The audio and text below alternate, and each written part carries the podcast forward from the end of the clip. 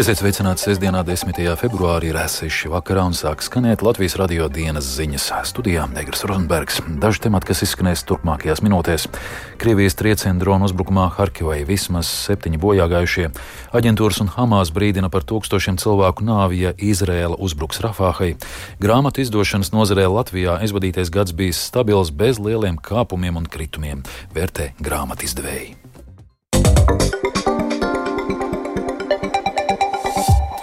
Krievijas spēka izvadītajā naktī palaiduši dronus no Čudas raga okupētajā Krimā un Kurskas apgabala Krievijā. Šo triecienu dronu galvenie mērķi Ukrainā bijuši Odessa un Harkiva. Odessas apgabalā mērķēts gan pats civilo, gan ostas infrastruktūru, ievainoti vairāki cilvēki. Traģiskākās sekas ir uzbrukumam Harkivā. Tur trāpīts degvielas uzpildes stacijā. Ugunsgrēkā nodegušas 15 privātmājas, nogalināti vismaz 7 cilvēki, tostarp vairāk mazi bērni. Upuru skaits visticamāk pieaugs. Uzbrukumu komentējas Harkivas Kijavas mērs Igors Terehovs. Teroristiskais agresors izposta mūsu dzīvesvietas Harkivā, bet mēs noturēsimies, mēs uzvarēsim. Desmitiem privātmāju ir sagrautas. Mēs uzvarēsim. Slavu Ukrainai! Slavu Ukrainai! Izraels premjerministrs Benjamins Netanjahu šonadēļ paziņoja, ka armijas vadībai ir uzdots sagatavoties kaujas operācijām Rafāhā, Gāzes joslas dienvidos. Pēc tam arī dots rīkojums armijai sagatavot plānu pilsētas evakuācijai. Izraels plāns uzbrukt pilsētai izsaucis bažas par tā postošo ietekmi. ASV prezidents Džo Baidens jau izteicies, ka Izraels atbildi Gāzes joslā ir pārmērīga, bet dažādas aģentūras un grupējums Hamas, kuru ASV un Eiropas Savienība uzskata par teroristisku, brīdinājuši, ka Izraels uzbrukums Rafāhai nozīmēs tūkstošu tūkstošiem cilvēku nāvi. Plašāk stāsta Rihards Plūme. Turpinoties Izraēlas armijas operācijām Gazas joslā, pēdējās dienās fokus bijis uz Hāņūnisas pilsētu, kur atrodas teroristiskā grupējuma Hamas Gazas joslas līdera Jahjas Sinvara mājoklis. Taču tagad nolemts, ka operācijas jāpaplašina, sākot operāciju arī Gazas joslas dienvidos esošajā Rafāhas pilsētā.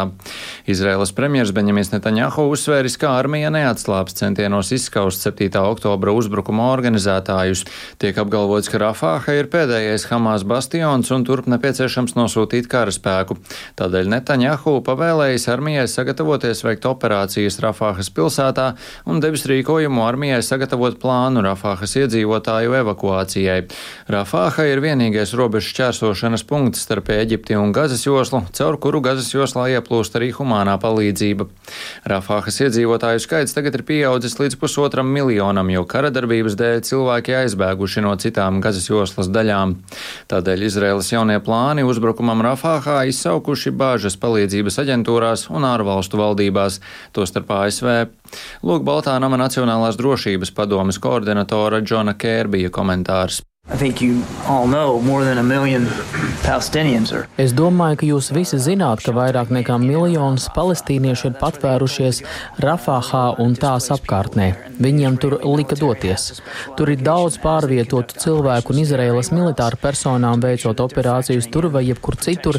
Ir īpašs pienākums nodrošināt, lai viņi ņemtu vērā nevainīgu civiliedzīvotāju aizsardzību, īpaši to cilvēku, kas tika pārvietoti uz Gazas dienvidiem valstīm ziemeļos notikušu operāciju dēļ.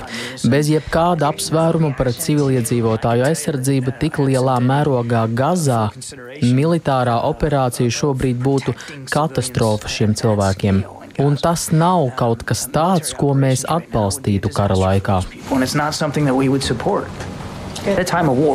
Tikmēr ASV prezidents Džo Baidens paziņoja, ka Izraēlas militārā atbilde Gazas joslā uz Hamas 7. oktobra uzbrukumu jau līdz šim ir bijusi pārmērīga.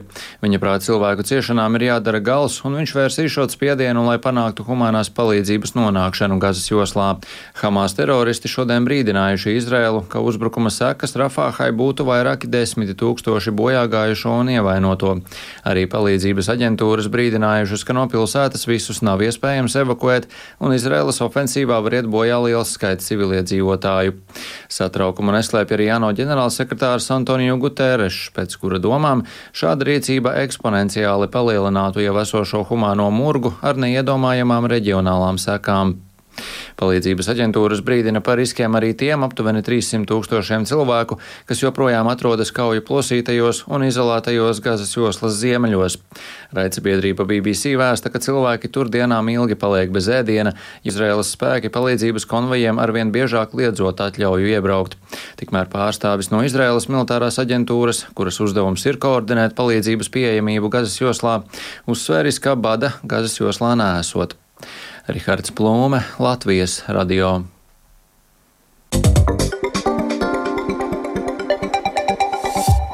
Latvijā grāmatu izdošanas nozarē aizvadītais gads bija stabils, bez lieliem kāpumiem un kritumiem, atzīsta grāmatu izdevēja asociācijā. Izdoto nosaukumu skaits un grāmatu tirāža bijusi līdzīga kā iepriekšējos gados. Arī nekāds strauji grāmatu cenu kāpums nav piedzīvots, un pārdošanas apjomi bijuši ierastajās robežās. Kādas pērn bija populārākās grāmatas un kādas kopumā ir tendences grāmatniecības jomā, plašāk Baibas Kušķis ierakstā. Jau divus gadus grāmatu izdevēji strādā ar samazināto 5% PVN likmi, kam ir labi augļi.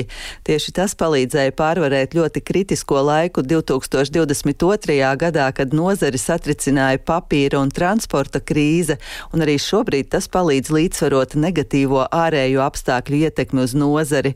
Aizvadīto gadu var nosaukt par stabilu, kaut arī nozare tāpat kā citas sfēras, protams, gluži neizbēgami izjuta inflācijas un citu faktoru faktoru ietekmi, atzīst grāmatu izdevēju asociācijas valdes priekšsēdētāja Renāte Punka. Šai saistībā varbūt pat zīmīga ir grāmata, kas bijusi visvairāk pirktā aizvadītajā gadā, un tā ir Morgana Hauzela naudas psiholoģija. Populāra zinātniska grāmata, kas vieglā saprotamā valodā cilvēkiem skaidro ekonomiskas lietas un to, kā veikt ieguldījumus. Mēs redzam arī, protams, ka cilvēki interesēs par šādām tēmām, jo nu, par šīm lietām mums varbūt ir vēl intensīvāk jādomā nekā citas gadus. Grāmatnīcu Jānis Roza tīklā pirktāko grāmatu top desmitniekā astoņi ir latviešu autoru sarakstīti darbi. No tiem pats populārākais jau otro gadu pēc kārtas Jurģa Liepnieka Mans nabaga pirāts. Zvaigznes grāmatnīcu tīklā no latviešu autoru grāmatām vispirktākā pērn bijusi Ilonas Balodas ielas muzikantu piezīmes, bet grāmatnīcu tīklā Globus Armanda Pučes aprak dzīvu pie karātavām. Izdevniecības Latvijas mediju direktore Kristīna Kirkila arī apliecina, ka gads bijis stabils bez kādām krasām pārmaiņām. 22. gadā Latvijas mēdīji izdevuši 95 grāmatas, tad 23. gadā šīs grāmatas ir 90, Un arī šogad tieši tāpat turpināsim, cerot uz augšupējošu tendenci. Visbūtiskākā mums, protams, ir oriģināla literatūra, kur pagājušajā gadā ir bijuši gan interesanti darbi Janai Eglei, Danai Nūts, Leldai Kovaļovai. Tagad gada nogalē ļoti interesanta grāmata ir mūsu Gerda par Gerdu Sinkēviču. Grāmatniecības jomā globālā mērogā par aizvadītā gada nozīmīgāko notikumu Renāte Punka uzskata Ljubļanas manifesta parakstīšanu, kurā kā viena no prioritātēm sekmīgai nākotnē izvirzīta augstākā līmeņa lasīt prasmes veicināšana. Šajā zīmē tad arī mēs domājam, turpmākajos gados arī diezgan daudz darīt un strādāt sadarbībā gan ar bibliotekāriem, gan ar grāmatirgotājiem, protams, arī ar žurnālistiem cerams, jo tā ir lieta, kas tiešām ir jāsaprot katram demokrātiskas sabiedrības pilsonim, ka mums ir nepieciešama pārbaudīta, kvalitatīva informācija. Ljubļanas manifestā augstākā līmeņa lasīt prasme izcelta kā visiedarbīgākais rīks kritiskās domāšanas attīstībai. Diemžēl šobrīd situācija ir tāda, ka aptuveni trešā daļa Eiropas iedzīvotāji ar pūlēm apgūst lasīšanu pat zemākajā līmenī. Baiba Kušķa, Latvijas radio. Latvijas-Igaunijas basketbola līgā šodien aizņemta diena, jo norisinās kopumā piecas spēles. Īpašu skatītāju interesi piesaistīs gaidāmais mačs arēnā Rīgas starp līgas debitanti Rīgas Zeļi un Igaunijas klubu Vimsī. Rīgas komandā debiju profesionālajā basketbolā piedzīvos pazīstamais Latvijas pludmales volejbolists Aleksandrs Samoilovs. Bet plašāk par notikumiem basketbolā pastāstīs kolēģis Rēnis Grunspeņķis, kurš šobrīd pievienojies tiešraidē. Sveiks! Sveiks, Aigar, labvakar, klausītāji! Jā, nu šobrīd eh, atrodos Rīgas Olimpiskajā centrā. Šeit uh, iesācies otrais puslaiks starp VF Rīga un Valmiera Glāsu vidzemes augstskolu komandām. VF eh, pēc pirmā puslaika negaidīti bija iedzinējos ar 31-32. Jā, kopumā šī ir ļoti izdevīga diena visiem basketbola līdzstājiem Rīgā, jo četras no piecām spēlēm notiek tieši Rīgā, turklāt ļoti tuvu viena otrai, vai nu Olimpiskajā centrā, vai arī tepat blakus esošajā arēnā Rīga. Dienas pirmajā mačā Līgas pastarīta Latvijas Universitāte piedzīvoja zaudējumu ar 68-98 piekāpjoties Gundara Vētras vadītajai Tartu Universitātei. LU komandai šodien pleca savainojuma dēļ gan nevarēja palīdzēt viens no tās līderiem Otto Fārenhorsts. Savukārt ar 20 punktiem LU rindās izcēlās Valters Briedis. Turpinājumā varam paklausīties Latvijas Universitātes galveno treneri Gunāru Gailīti. Meistarība pietrūkst diezgan acīm redzams, plus mums ir ļoti grūti spēlēt ar divas spēles īsā laika posmā. Mēs uh, spēlētāji nu, nespēja atjaunoties, varbūt tā kā vajadzētu. Mums viņiem, tad, kad profesionāli varbūt viņiem ir uh, brīva diena, tad mums iet uz, studijām visu. Un to dara diezgan cītīgi. Līdz ar to nu, tas ir arī diezgan svarīgs faktors. Nu, nu, nu, tā disciplīna spēles mēs kaut kur salūstam un tie raksturi pietrūkst tomēr, lai tā cīnītos līdzvērtīgāk. Pirms neilga brīža arēnā Rīga noslēdzās arī turnīra tabulas augšgala komandu spēle, kurā Ventspils ar 77-86 līdzīgā cīņā zaudēja Slobožānskas Prometēju.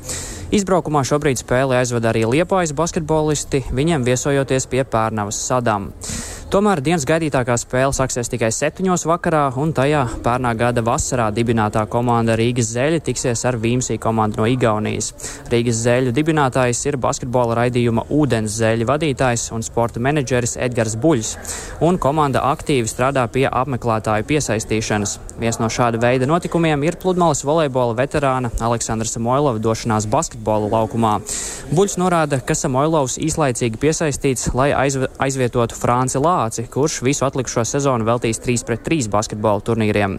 38 gadus vecais Samoilovs savā karjerā piedalījies trijās olimpiskajās spēlēs, tomēr pagājušajā gadā noslēdza sadarbību ar ilgadējo partneri Jāni Šmēdiņu, un šobrīd viņa pārinieks ir brālis Mihails.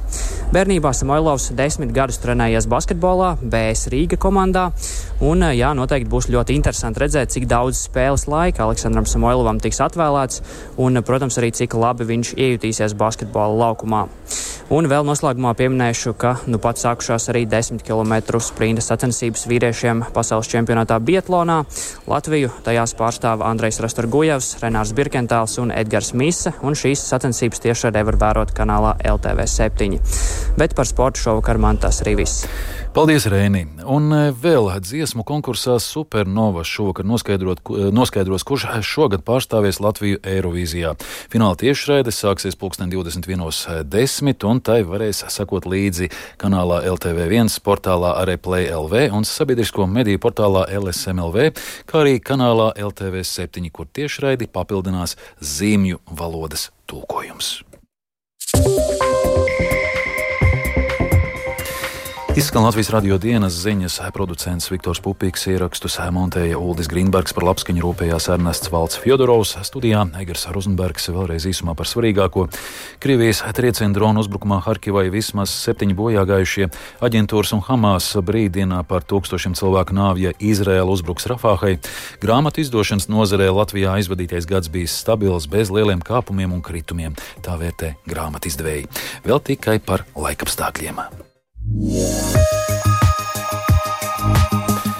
Šobrīd galvaspilsētas centrā mīnus 3 grādi lēns dienvidu austrumu vējš, atmosfēras spiediens 758 mm, relatīvais gaisa mitrums 76%.